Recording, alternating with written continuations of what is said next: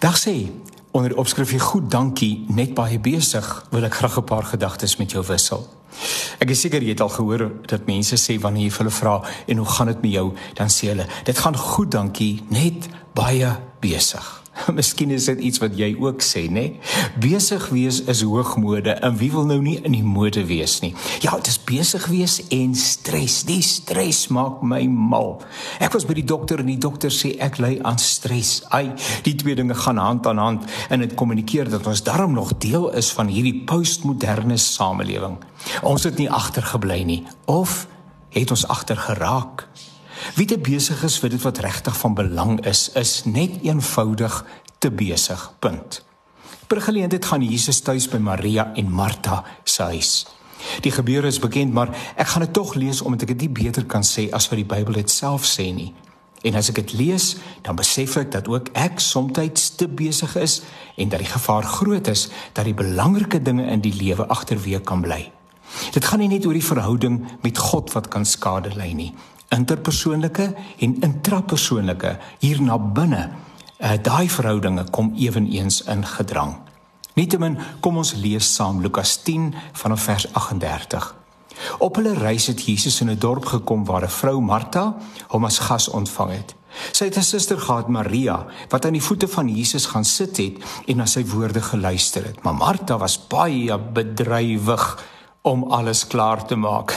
En dit is mos nou so nê nee, dat bedrywige mense kry nooit klaar nie.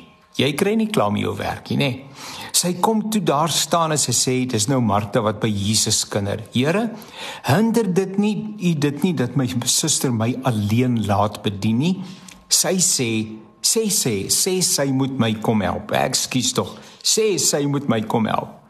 Maar die Here antwoord aan Martha, Martha Jy is besorg en bekommerd oor baie dinge. Wonder of jy jou naam hoor. Janie, Janie, Johan, Johan. Michelle, Michelle. Leon, Leon. Jy is besorg en bekommerd oor baie dinge, maar een ding is nodig. Eintlik net een ding is nodig. En Maria het die beste deel gekies en dit sal nie van haar weggeneem word nie. Kan ek 'n paar opmerkings maak? Jesus maak seker dat hy Martha se aandag het en daarom noem hy dit twee keer Martha Martha. Dis asof hy in haar in haar spore, in haar voortgang, in haar voortstuwing of hy haar in daai proses wil stuit. Martha is baie bedrywig. Martha wil Maria by haar besige skedule betrek.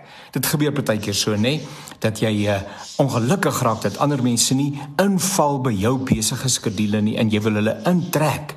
Sy kla eintlik haar suster by Jesus aan in steede daarvan om Maria maar self aan te spreek waar sy alleen is. Die woorde besorg, bekommerd en baie dinge. Dis wat Jesus vir haar sê. Jy is besorg en bekommerd oor baie dinge wil eintlik die rotte resies waarin Martha haarself bevind onderstreep. Kan jy ook daarmee identifiseer? Besorg, bekommerd, baie dinge. En dan sê Jesus net een ding. Die Bybel sê immers: "Soek allereers die koninkryk van God en al die ander dinge sal vir jou bygevoeg word." Snaaks nie dat ons die woord nie glo en toeëien nie, maar eerder 'n teenstelling daarmee al hoe harder sal probeer. Die tydelike, die hier en nou, die besig wees is temporeel. Ons verhouding met die Vader het ewigheidswaarde en implikasies. So ek wonder wat kies jy? Martha baie besig, bekommerd, baie dinge, uitgeput en oorlaai of Maria aan die voete van Jesus die eerste dinge eerste, dan val die ander dinge in plek.